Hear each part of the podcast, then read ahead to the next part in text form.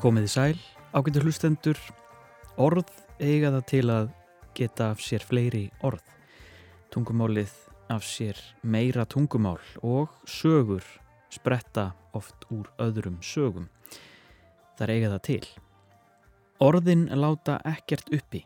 Svift höfundi sínum þau standa bara fyrir sig sjálf núna. Lesið og þér munið finna. Þetta stendur skrifaði í nýjustu bók Magnúsar Sigurssonar, Leksíurnar, Stafrókskver, bók um lestrarlistina, lærdóm, orð og nótkunn þeirra til að öðlast skilning á tilverunni. Vil maður ræða við Magnús hér rétt á eftir og hann kennur okkur Leksíu.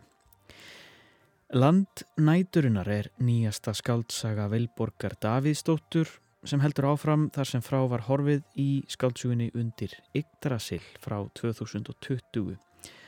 Örlaugin leiða Þorgerði Þorsteinsdóttur, sonardóttur Auðar Djúbúðgu í Austruveg um Garðaríkin svo gulluðu. Sögusviðið eru fljótin og árnar sem báru norræna menn söður til Svartahafs og allarleið til Konstantinópel. Við kynum okkur slóðir vikinga í Austur-Evrópu í lokþáttar og förum í heimsókn til Vilborgar Davísdóttur. Ég heiti Jóhannes Ólafsson og þetta eru bara bækur.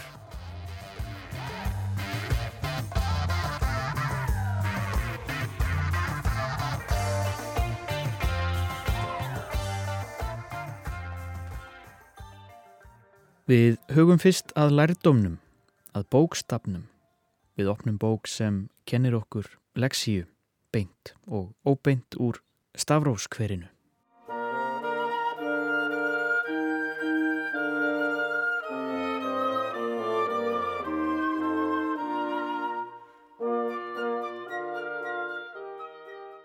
Þú verður að finna sjálfan þig í annara manna orðum er ljóðlína sem ég staldraði við í bókinni Leksíónum eftir Magnús Sigursson sem kom út fyrir síðustu jól.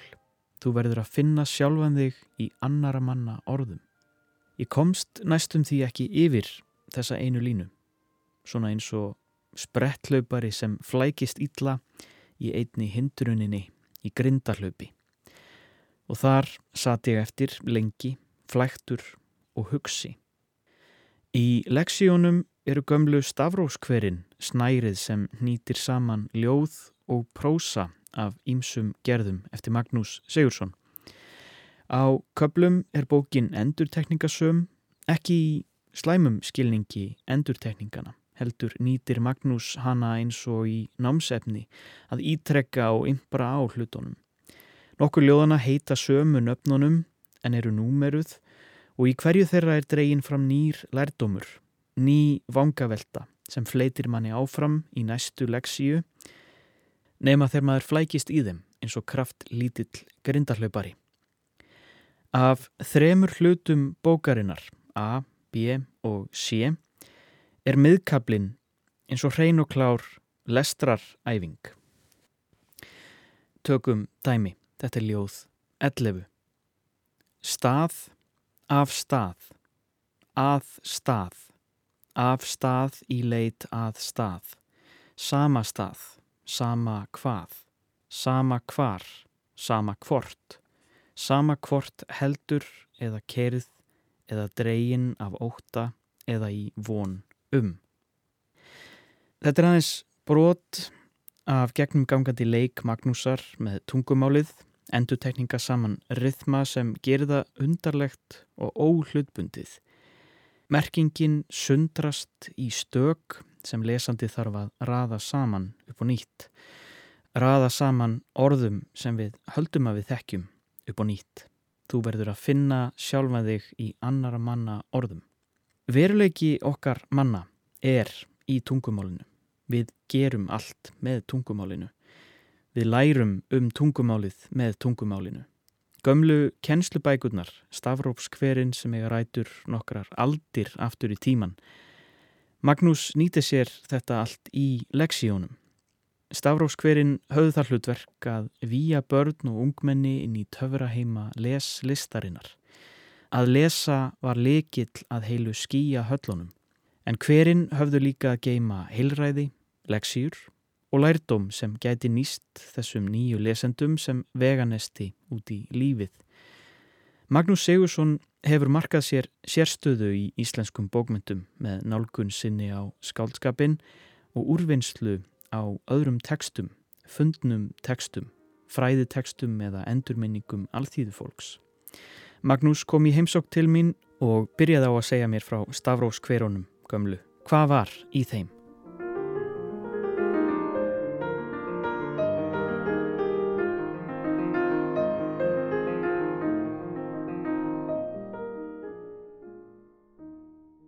Til að byrja með var það kristinfræði kjensla, næri engungu og þessu slegi saman sem sagt að, að kenna lestur og að kenna kristinfræðina. Það var, voru tvær hliðar á sama peningi. Mm.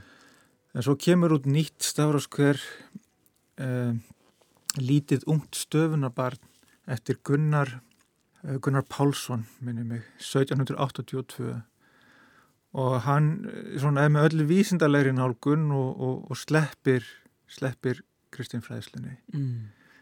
en eh, sko Stavros hverinn gömlu áttu að vera svona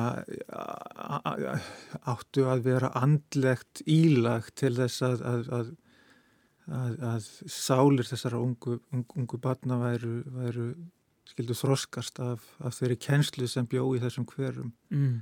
og svona siðferðis bóðskapur ímis sem var auðvitað fyrst og fremst af, af kristnum toga. Einmitt. og það er náttúrulega kemur til í bókinu, þetta eru leksjur þetta eru kennsluritt í rauninni. Um, var þetta var þetta eitthvað sem þú svona fóst meðvitað að rannsaka, var þetta eitthvað, hvernig kom þetta til að, að þetta var svona?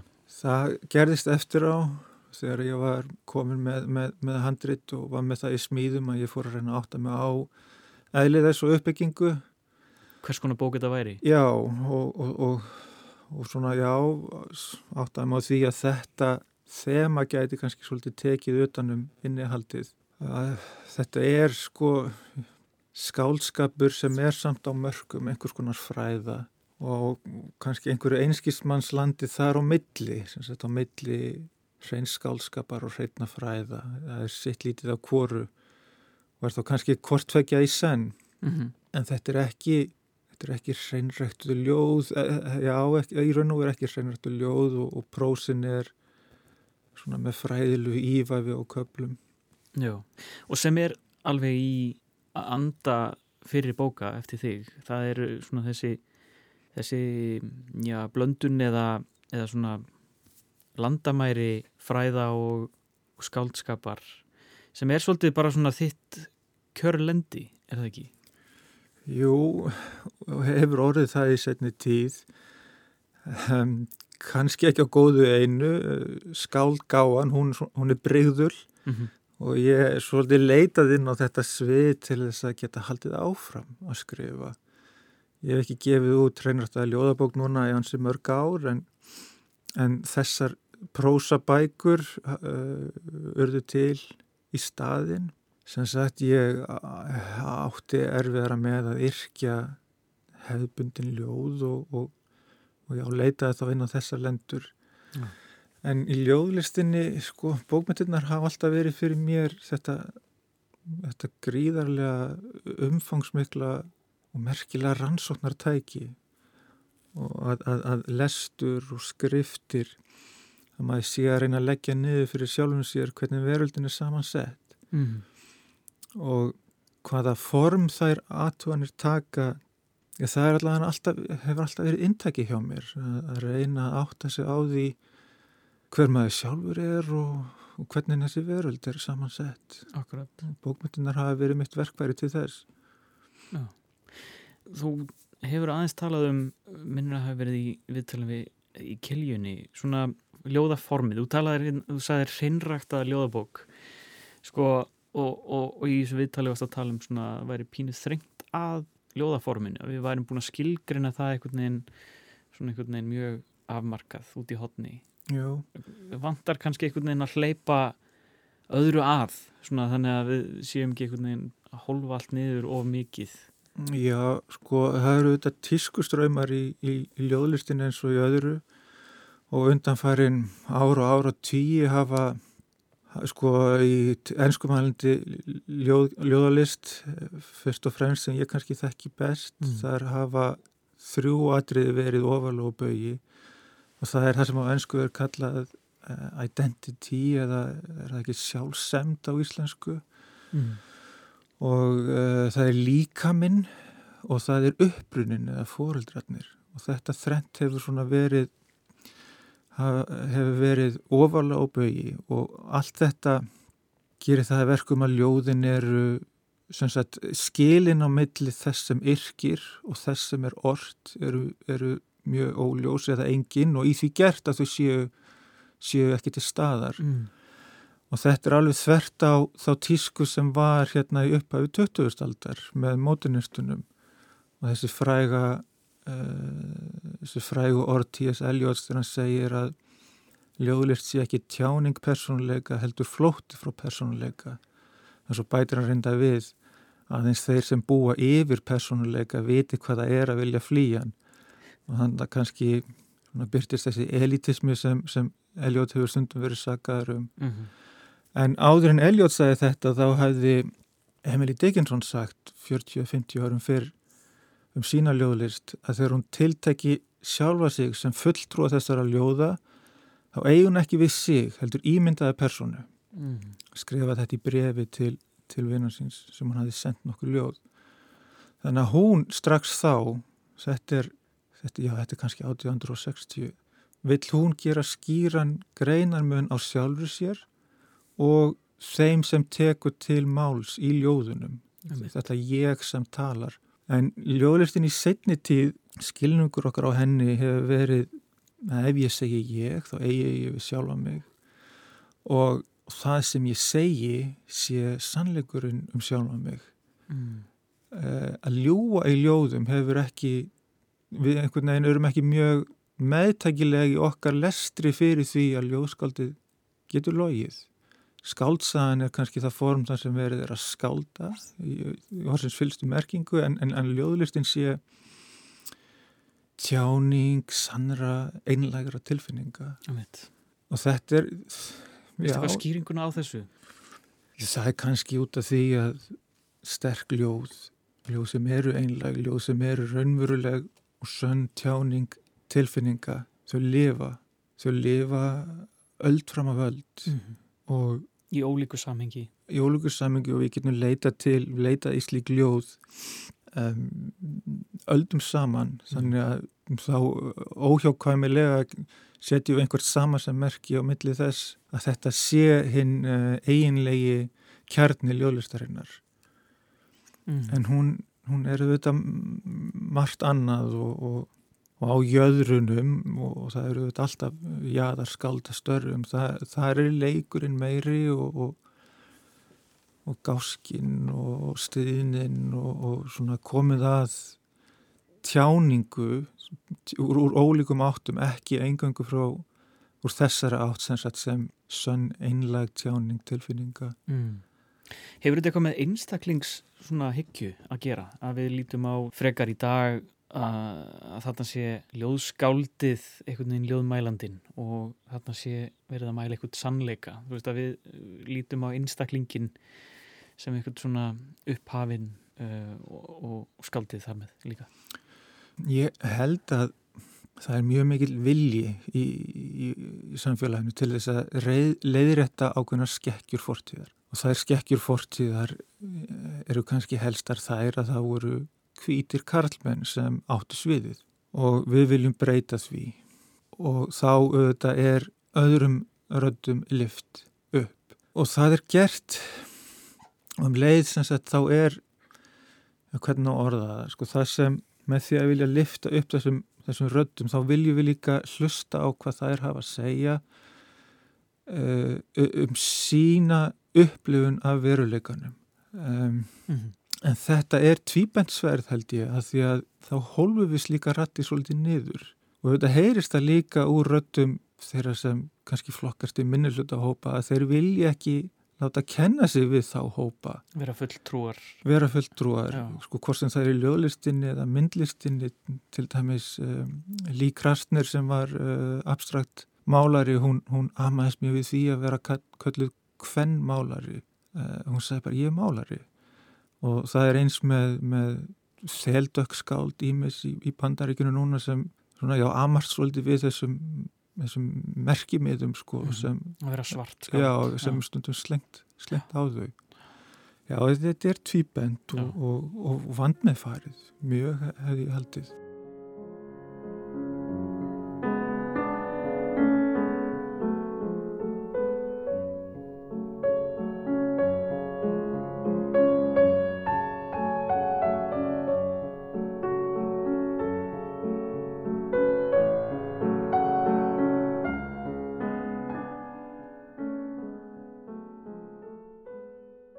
haldið bara svo margt merkilegt að finna í fortíðinni í þessum gömlu tekstum og oft er þetta tekstar sem kannski er ekki beinleins hluti af okkar bókmyndasögu ég hef mikið verið að vinna með funna teksta í endurminningum í Íslensks alltíðu fólks mm -hmm.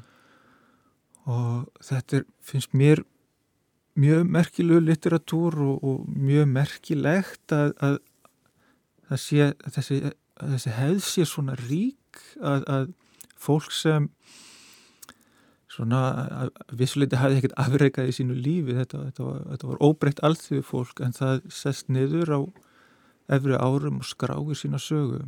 Mm -hmm. og gerir það að frásatnar hátturinn er svo sko þetta er fólk sem hafi upplifað ótrúlegustu hluti og gengið í gegnum ótrúlegustu hluti. Mm -hmm og kannski þvert svo litið á, á, á okkur í okkar samtíma þá barmar það sér aldrei. Og hvers vegna barmar það sér ekki?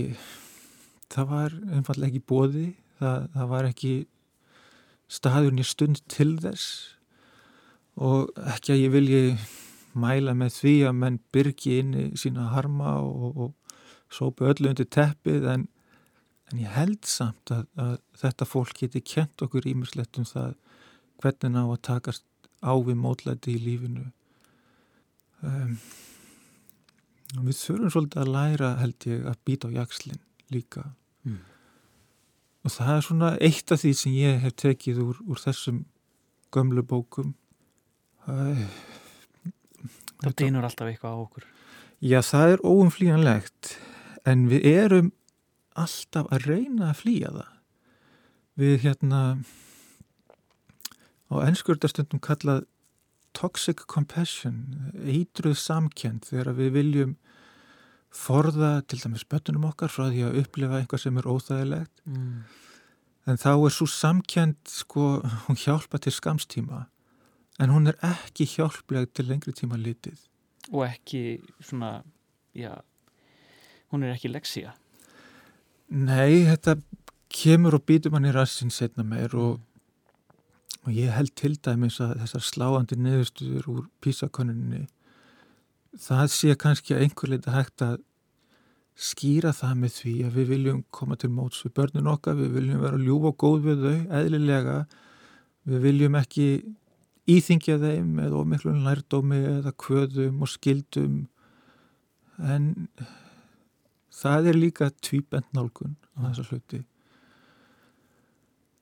ekki að maður sé að mæla með einhverju gengdarlausri hörku en En þetta er samt umræða sem þarf að eiga sér stað við getum ekki hérna einhvern veginn, við þurfum að staldra við og spyrja okkur, eru við að stefni rétt átt? Já, einhvað þarf að gera ja. Ég held að þessi niðurstöður þessara könnunar séu stærsti áfællistómur yfir þessari þjóð síðan landi fór á hausin mm. í rauninu og uh, barnamálar á þeirra sæði þegar þessar niðurstu voru kunngjörðar að þetta kem ekki á óvart þannig að einhver leiti voru þær viðbúnar þessar niðurstuður og, og, og hvað var gert og hvað, hvað á að gera núna? Um, það lestur er svolítið svona leiðarstef í þessum, í þessum ljóðum og prósum sem eru þarna í þessari bók, leksíðunar. Það að, að læra að lesa, við lifum, við lifum í gegnum rítmálið og þú talað stundum um hérna svona gullöldina. Uh, ertu nostalgískur einhvern veginn? Gullöldin sem ég minnist á í þessari bók er, er mín eigin persónulega gullöld. Það er semst frá því að ég læra að lesa kannski um 6 ára aldurinn og fram til kannski 12-13 ára. Mm. Bækurna sem ég las þá setja eftir í minninu. En sko lestur í gamla daga varu þetta töfrum slungið verkværi sem, það, sem hann er ekki lengur í dag. Ef að ball lærði að lesa opnuðist því töfraveraldir. Mm. Til þess að stíga inn í einhverja töfra heima í dag þurfa börn ekki að kunna lesa. Þessar, þessar töfraveraldir þær búa í sjónvarpinu eða símanum. Og ég þakka fyrir það sjálfur að, að hafa að læsta að lesa fyrir komu, tilkomu snjálfsímans. Að því að ég fyrir vikið upplifið þessa sömu töfra og, og fólk í gamla daga og fólk sko að því er að minnast á þessar þessi alþjóðskrif og endurminningar það, mm. það er, er nánast undatekningalöst kapluðum það þegar við komum til að læra að lesa það var það stór og kannski hver kendi jafnvel. hver kendi og, og hvernig við komum til að læra og, og, og fólk var að læra þetta sjálfu sér auðvitað því að það var ákveðið munnaður að, að, og lúksus að, að læra, læra lestur ah. og oft reyngjum frekar kent en stúlkum auðvitað við tala nú ekki um að skrifa mm -hmm. þannig að þetta er svona fastu postur í, í þessum endurmeiningum líka að, að rekja það hvernig lestrarkunnáttan kom til og hafði áhrif Já. Já. Sko ég spurði líka aðeins út í þetta vegna þess að, að hérna, það eru nokkuð ljóð sem heita bókstafstrú og kannski svona í merkingunni að trúa á bókstafin, Já. trúa á ritmálið sem við gerum. Bókstafstrú í, í bókstaflöru merkingu þess orðs. Já. já, sko já, hvað höfum við annað til þess að átt okkur á veröldinni en tungumálið? Það þarf ekki endilega að vera í, í rituðu formi en, en tungumálið orðin er það eina sem við höfum til þess að skilja þessa veröld? Og ekki bara til þess að skilja hana heldur líka til þess að gera hana betri lækningar, lækningar og sjúkdóminn til dæmis, þær verða til í tungumálinu í raun og veru. Mm. við, við hérna við smíðum ný orð eða við, við setjum sam, gömlu orðin saman á annan hátt og allt í einn er, er, er, er sko búið að festa í orð nýjan nýjan vístum, ný, nýjar staðrindir nýjan sannleika. Og þetta er það sem ég finnst merkilegast af öllu. Það eru orðin og, og, og hvernig hvernig við beitum þeim. Og við beitum þeim auðvitað ekki einhverju til góðs. Við við hérna, orðin eru nótið til að elska og, og hugga og byggja upp en, en þau eru líka nótið til þess að kvelja og hata og rífa niður. Og þetta er það sem ég finnst allra merkilegast að við tilveruna. Ég held að ættum að enda á þessum heimsbyggilugu nótum. Magnús Sigursson, takk hjá það fyrir komina Kjæra þakkir. Uh, eh, Væri til að lesa smá brott úr, úr nýju bókinni Já Engvað sem þú heyrir Einhvað sem þú sérð tekur sér bólfistu í dýpstu kymum hugans og vex. Mörgum árum setna ert ekki lengur sama manneskjan. En hvað var það? Hvaða rökkur þyrstu rætur hefur hugur þinn vögvað öll þessi ár? Hvað setti umbreytingar ferlið af stað? Engin leið að vita, bara einhvað sem þú heyrðir, einhvað sem þú sást, sem tók sér bólfistu og ógs.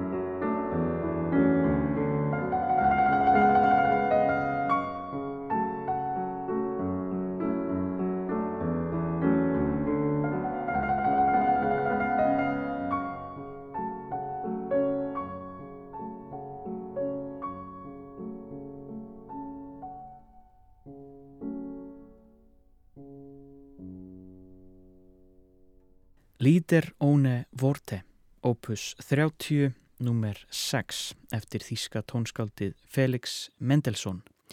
Já, lög án orða á eftir spjalli okkar Magnúsar Sigurssonar um orð og lestur. Og áfram höldum við með nýjar bækur, nýja skáldsögu og höldum í Östurveg.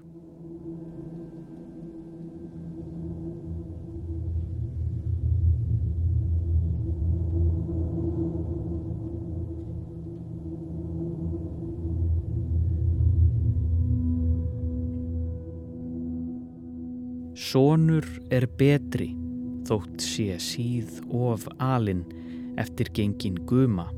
Sjaldan bautar steinar standa brautu nær nema reysi niður að nið. Þessi tilvitnun úr háfamálum er upphafið að nýjustu skáldsögu Vilborgar Davísdóttur land næturinnar sem kom út síðasta haust. Land næturinnar er sjálfstætt framhald undir Yggdrasil frá 2020 og þar heldur Vilborg áfram frásögn sinni af Þorgerði Þorsteinsdóttur sem fer í Östurveg í þessari nýju bók. En það kölluðu norrænir menn fljótin sem renna úr Eistrasaltinu söður í Svartahaf og þaðan lág leiðin til Konstantinópel sem þeir kölluðu Miklagarð. Í austurvegi stopnuðu þessir norrænu siglingargarpar og verslunumenn Garðaríki þar sem helstu borgirnar eru þær sem í dag kallast Novgorod og Kiev. Land næturinnar lýsir þessum laungu ferðalögum af einskjæru innsægi Vilborgar sem spinnur sína sögur upp úr þeim heimildum sem til eru um þessa fornu tíma en gerir þeim personum skil með sögum sem ekki hafa fengið mest pláss í þessum sömu heimildum. Þorgerður Þorsteinsdóttir, sonardóttir auðar djúbúðgu sem Vilborg hefur skrifað skaldsakna þríleikum, hefur lifað mikinn harm á Íslandi og heldur til Noregs þar sem örlaugin leiða hana síðan í faðm skinnakaupmannsins Herjólfs Eyvindarssonar. Saman fara þau í Östurveg til Gardaríkis á fund væringja sem sigla söður Dnepurfljót og yfir Svartahaf með ambáttir og loðfeldi á markað í Miklagarði. Vilborg skoðar í sögunni kvennakúun, þrælasölu, rætur kunnulegs feðraveldis og einnig þau ótrúlegu afreg sem siglingar af þessu tægi voru en hefðu ekki orðið að veruleika ef ekki væri fyrir verkvit kvenna. Ég fór sjálfur í lítinn stuttan austur veg úr efstaleitinu austur í Árbæin og heimsótti Vilborgu Davísdóttur og tíkina Kríu sem let aðeins vita af sér í andirinu.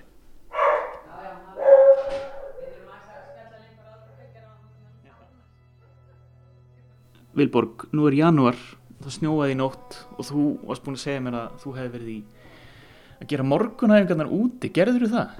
Já, ég er náttúrulega nýkomin inn við Kríja, tíkin mín, borturkóli tík mín, hún hérna hún fer alltaf með mig út á hverju mótni hérna í árbænum hérna, neðstu guttin okkar þá er stórt tún og þar getur sleftinu lausi og kasta fyrir að bolta á frisbi og það eru þetta, já það var svolítið erfitt í morgun alltaf er snjóri yfir öllu en henni finnst alveg ofbóðslega gaman að gútveltast í snjónum. Og þetta sérst, hundalíf það eru til þess að maður fyrir alltaf snemmafættur alltaf á sama tíma mm -hmm. og fær súröfni lungun og bara kraft einhvern veginn inn í daginn þannig að það er bara mjög gott mm. mæl með því Já. Við vorum bæðið svolítið að svona, tala um sömarið þetta er tíminn sem að mann lengir eftir sömurinu og, og, og hérna, langar í hita og blóm og, um, en er þetta tími rittöfundarins? Hvernig, hvernig ertu svona í janúar rittöfundarinn Vilborg Davíksdóttir? Sko, mér hefur alltaf fundist í janúar en það vera lengsti mánuður ásins Samanlega því Já, og þetta myrskur, það er svolítið verkefni, mm. það er erfitt. Og ég er með svona dökkan tón í sálinni eins og kannski margir og ég finna alveg fyrir myrskurinu en ég setti mér fyrir nokkur síðan það verkefni að læra þykja væntu um myrskrið mm. og finna leið einhvern veginn inn í bara allt það sem er jákvægt við veturinn og kuldan og myrskrið og bara, og ég er hinnlega að gera lista yfir þar sem er gott við myrkrið mm. og kertaljósum koma náttúrulega þar fyrst það er svo notalegt að hérna sitja inni í hlíu hólinu sinni og horfa út í myrkrið mm. e, og hafa kertaljós og á veiturna þá séu stjórnunar, þú séu norðurljósin e, í snjónum þá reyfjast upp æskuminningarnar til maður krakki og fór út að leika og bara var svo gaman að þetta gera snjós og snjókalla og, og hérna og það er ekki sem segir maður það sé góð sent að hafa mikið sem æsku. Maður getur ekki þátt að gera það bara þegar maður er orðin eldri ef að, ef að þannig líkur á manni. Og já og svo er líka gott að fara inn á við. Í myrkrinu og vetrunum þá er einmitt þá þurfum við að gera og náttúrun við þurfum að einhvern veginn hlúa að rótunum og láta af þessu ytra mm -hmm. og næra rætunar og, hérna, og þá bara gott að búa að forða sumarsins en, en hérna við þurfum á því að halda, við þurfum að hægja okkur það er asi í sumrinu og það er hérna við þurfum að drífa allt svo af því íslensku sumar er svo stutt. Já, þá springum við út einhvern veginn á miklum, með miklum kvelli Já, það er mjög svolítið svo leiðis þannig að veturinn, já, það, það er gott að hægja á sér Já. og lifa bara í hægleiti og, og þakka bara fyrir hvert dag. Og það kannski, sko, kannski líka hefur vaksið svo tilfinning mín með aldrinum að hérna, það sé bara gott ef að dagarnir eru lengi að líða mm. þá er þér, sko, já, þá hefur með meiri tíma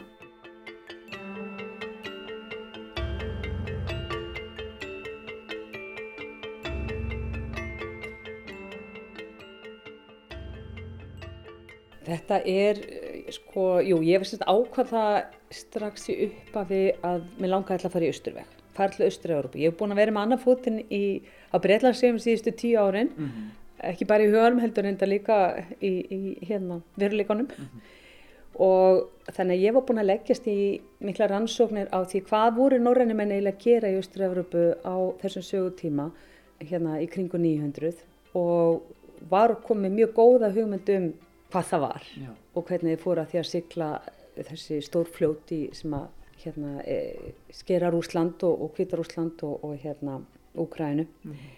Þegar ég byrjaði að skrifa undir Yggdrasil en svo saga einhvern veginn vatn svo upp á sig að ég sá freka fljótlega að Östufjörun er það býða og ég er það ljúka þeirri sögu þorgerðar sem ég byrjaði í undir Yggdrasil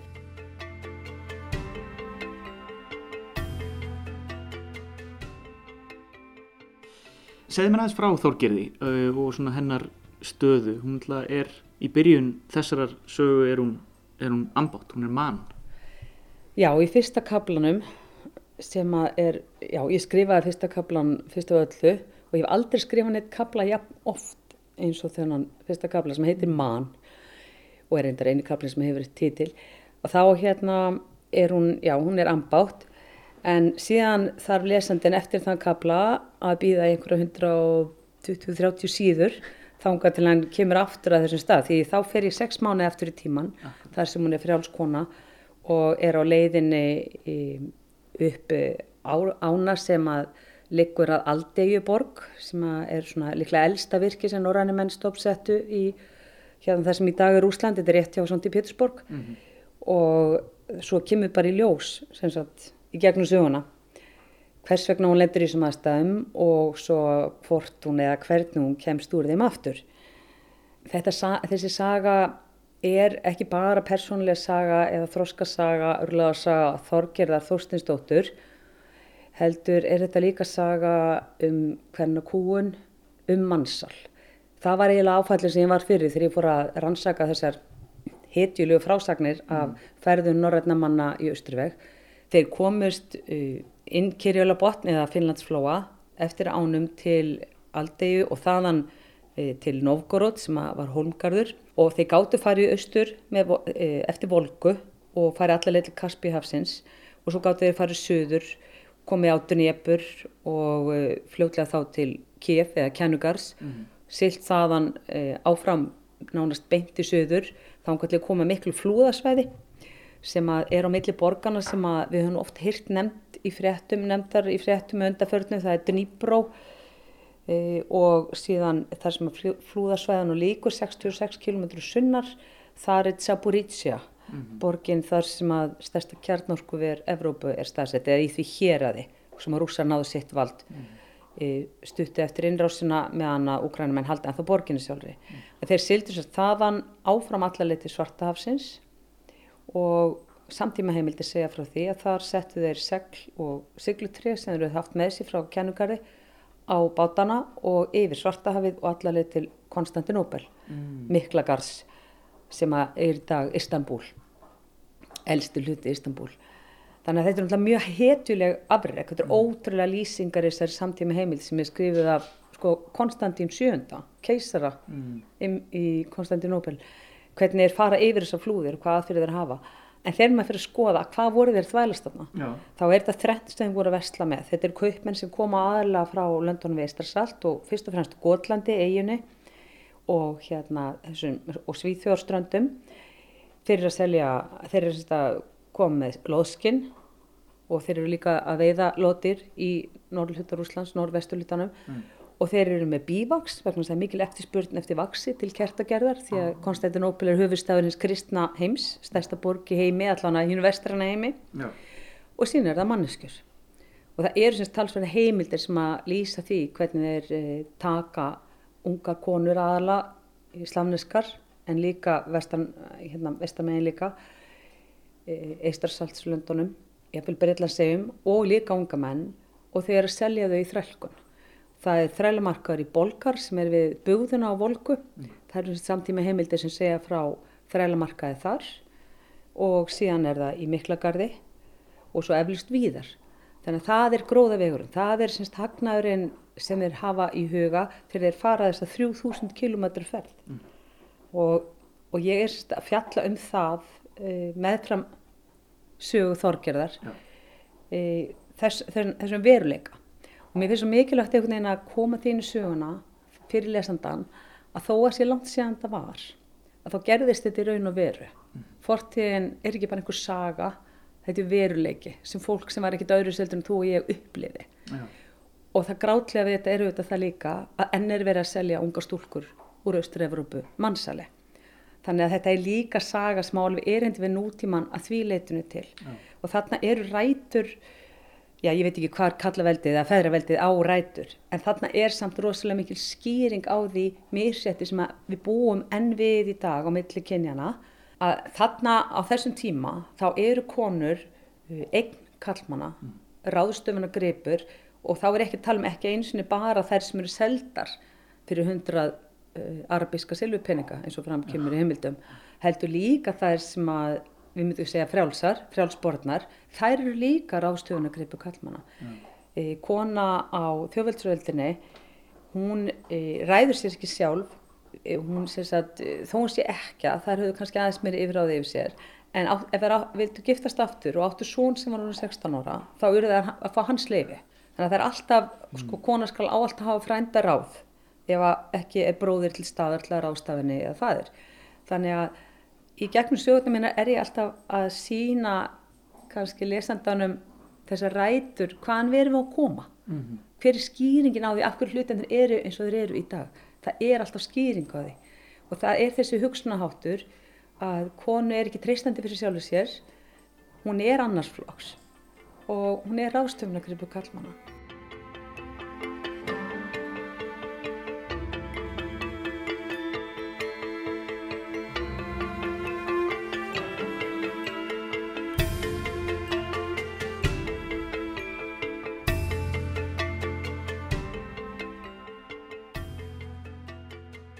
Náttúrulega ert grúskari og þú mentaði þjóðfræðingur. Þú, þú, þú elskar að garfa í, í bókum og, og, og skjölum og sko þá langar mér svolítið svona uh, að spyrja þig bara út í hvernig að að þú hefur lengi skrifað einmitt skáldskap upp úr þessu öllu saman.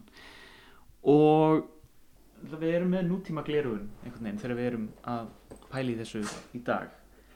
Og sérstaklega ef við erum að vinna upp úr þessu eitthvað skaldskap og, og svona skoða þetta svolítið upp og nýtt. Ég meina þú til dæmis að skrifa um, um konur sem að var ekki er kannski minna um í heimildum heldur en, heldur en kallanir Já, það er vissulega miklu minna um þær og þeirra líf. Sko, já, mér finnst líka mikilvægt að sko að hampa sko vinnu hvenna í gegnum aldinnar sko, við tölum um aðdáðun af aðdáðun um til dæmis skipin skipasmiðin og þessi tækni sem gerði norrannumönnum kleifta sigla út um allan heiminn. En þau hefði ekki farin eitt, hefði ekki verið fyrir konur sem að spunnu úr ullinni og ófu úr þræðinum og gerðu segl. Mm -hmm. Og ég er auðvitað svolítið að fjalla um það þegar ég gerir auðvitað djúbúka seglagerðar konu. Já. En í landi næturinnar að þá er uh, tófinan samfléttuð hennar leið út úr sínum erfileikum og ég gerði það þannig að sagt, sagan eila kviknar því þegar ég las um forðlega fund í Staraja Ladoga sem er það sem Aldíuborg var ja. það er öllastafur e, sem að finnstu jörðu með rúnaristu 48 rúnir í einni bunu ja. sem segir okkur það að kona sér risti á hana stað e, hún vildi ekki að neitt geti lesið nákvæmlega hvað stæði þarna. Og við veitum líka að þetta er kona ja. vegna þess að á endanum er svona fjórtentur forkur. Og það segir okkur það að þetta er ullastafur og ullastafurinn var kallaði rokkur. Mm -hmm. þángar til að e, spunahjóli kom til Íslands á átjandöld þá færðist bara heitið yfir á spunahjóli við kallum það rokk í dag. En svona rokkur nefndur í Eirbyggju þar sem hann er hérna notaður í galdri eða fjölkingi þar sem að e, fjölkunum kona er að, er að fela svonsinn fyrir eftirleitendum og þá er rokkurinn nefndur. Og það er svo mikil, mikil tengsla mellir spuna og fjölkingi í, maður sér glitta í þetta hér og þar. Mm -hmm. og þetta eru þetta valdatæki völvunar eins og ég nefndi, völurinn og ég sé fyrir mér að þetta tvent hafi á endanum orðið, eða þar sé að öllastafurinn verði að velinu Já. og það eru lýsingar í heimildunum á svona stöfum og það hafa fundist í ríkulega búinu kvenngröfum jártstafir sem eru skreittir erum einhvers konar svona körfu á öðrum endanum sem er líka notað öllarstafi til þess að flækja öllarkempuna vel utanum, svo hún fari ekki neitt svo dregur þau tegi lópan mm. tegi þráðin þaðan mm og eh, fyrst heldum enn einmitt og það er kannski svona dæmi gert fyrir þessi eh, kynniðu kalla gleru á söguna að þetta væru grillspjót. Sem sagt konan hefur elda allir sína æfi og hún vil örgulega halda því áfram eftir döðan. Þannig að hérna er kjöt teitt til að stingi gegnum lærið. En síðan bara uh, í byrjun þessar aldar að allir þessi tími búin að líða að þá kemur lóksins fram forðlega frængur sem horfir átt og segir nei það gengur eilgi, maður getur nú brent sig á því sko snúa svona járnhaldi. Og það er stundum einhvað svona litli gripir festir á hinn endan þú kemur þessi ekkert í gegnum mm. kjötlæri. Þetta eru völvustafir. Og forðlega fræðingarnir í heiminum hugsaðu sumi í svona fimm mínútur og segðu já, býtu, akkur sáum það ekki fyrir lungu þessi e, tengsl á milli öllarstafsins og völstafsins mm. finnst mér alveg rosalega heillandi og það að þessi öllarstafu finnst í Ladoga með rúnaristu á öllarstaf það segir mann það að það átti að umbreyta veruleikanum mm. og rúnaristur eru mjög oft notaður í þeim tilgangi og það, fyrst, það var til þess að saga kviknaði já, já. og þannig þá fór æfintýrastað í kollinum á mér kannski bara rétt í lókin sko að því þú er búin að vera að skrifa svona mikið upp úr, upp úr öllu þessu var þetta bara einhverja ástu fyrstu sín, bara einhver veira sem þú fegst varst að hérna, hérna, falla fyrir öllum þessum heimildum, þessum sögum þessum, þessum tíma? Já, sko það eru rétt 30 ár núna frá því að fyrsta bóki mín, Korkus að koma út og hún gerist einmitt á þessum sama tíma landarsöldinni og áður en ég byrjaði að skrifa hana þá var ég ákveðin því að ég ætlaði að skrifa sögur sem gerðist í upphafi Íslandsögunar e, og hvað er þessi áhugi kviknaði? Jú það hefur eflust bara verið mjög stemma e, maðurinn minn heitirinn Svonu Sálfræðingur hann sagði alltaf mikilvægasta lífinu það er búið að gerast fyrir 8 ára aldur. Ég elst upp á þingri við dýrafjörð og þar er hluti bara svona af svæðinu sem við erum að leika okkur á krakkarnir. Það eru þinghólanir sem að eirin er kent við. Mm. Það eru grasivaksnir lágir hólar sem að eru eiginlega bara já, á miðum ottanum. Ég er ottapúki, elstu búið þingur ottanum. Mm. Og við vitum alltaf að þetta eru tóftir af þingbúðum. Fólk sem að hjælt þingið á þingari fyrir 1100 árum. Það sáði þennan sama fjörð, það sáði þetta sama fjall og, og þau voru til í raun og veru og það er einhvern veginn bara eitthvað sem að kannski síast inn og jú og svo hef ég alltaf einhvern veginn haft þennan ríka áhuga á, á hérna, þeim sem voru ánöðir, þeir sem voru minnumáttar, þeir sem höfðu enga rödd og þannig held ég prjónast upp þetta höfundaverk mitt. Já. Og það er nóga garni eftir? Já, já, já, ég áttur að spinna heilmarga þræði viðbútt. Vilborg Davistóttir, takk kærlega fyrir að taka á mótið mér og takk fyrir spjallið. Takk fyrir mig.